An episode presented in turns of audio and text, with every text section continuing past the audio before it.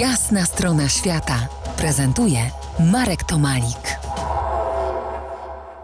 Po jasnej stronie świata profesor Mateusz Wyżga, historyk, wieloletni sołtys rodzinnej wsi Dziekanowice, autor książki Chłopstwo, historia bez krawata. Miasta, czytam w twojej książce, w jakimś sensie były oazami kapitalizmu na pustyni feudalizmu. Bardzo podoba mi się to zdanie. A mieszczanin to chłop na emigracji, umiastowiony chłop. Wsie były wylęgarniami ludności, a miasta jej wymieralniami. No to mocne słowa. Tak, ale jako demograf historyczny ja przetworzyłem przez własne palce w bazach danych setki i tysiące ludzi, którzy tworzyli miasta i tak było. Może dlatego te miasta tak kusiły swoim pięknem, kolorami, wabiły, żeby ukryć te, no za przeproszeniem, ale bardzo brzydkie rzeczy, e, które no docelowo skracały jednak życie ludzkie to było coś za coś. Nie wszystkie dzieci w rodzinie chłopskiej mogły wyżyć z działki w gospodarstwie domowym. Część musiała odejść i była już za młodu przeznaczana, że tego damy do wujka w Krakowie, a tamtego do ciotki, powiedzmy w Bielsku Białej,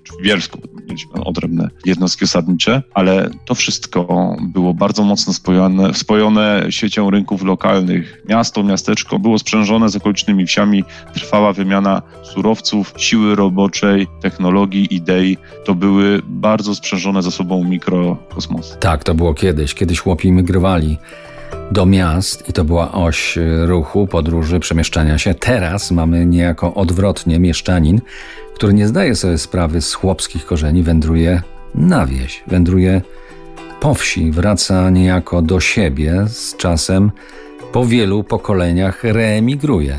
Nie ma tak. świadomości chyba, prawda? No właśnie ta świadomość historyczno-genealogiczna nie jest posunięta aż tak głęboko i moja książka ma służyć temu, żeby ci, którzy wracają, nie czuli się zupełnie wyobcowani, a ci, którzy ostali się tam, umieli znaleźć język porozumienia. To jest wieczny ruch ludności, wieczne szukanie szans. To jest takie tango pomiędzy awansem i degradacją. Tango, tango to też y, wędrówka i przede wszystkim mierzenie tych odległości, które mamy, mamy przebyć.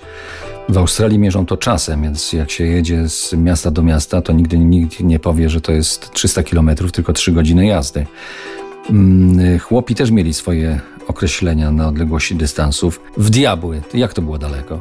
No tutaj, e, tutaj mnie e, zaskoczyłeś. Podejrzewam, że to było nieograniczenie daleko. No w swojej książce piszesz trzy wsie dalej. A, to jest e, dobrze, to ja to formalnie potraktowałem. No tak, tak. To jest średnia, którą wyliczyłem z około 10 tysięcy przemieszczeń. Jeżeli ktoś powiedział, ja stąd się wyprowadzam, mi tu się nie podoba, mógł powiedzieć, idę w diabły, no to wtedy wiem, że to dotyczy jakichś 15 kilometrów. Colin Pulley, mm, o którym piszesz, takie zdanie miał wygłosić. Wielkie znaczenie pieszej mobilności człowieka wynikało z prostego faktu.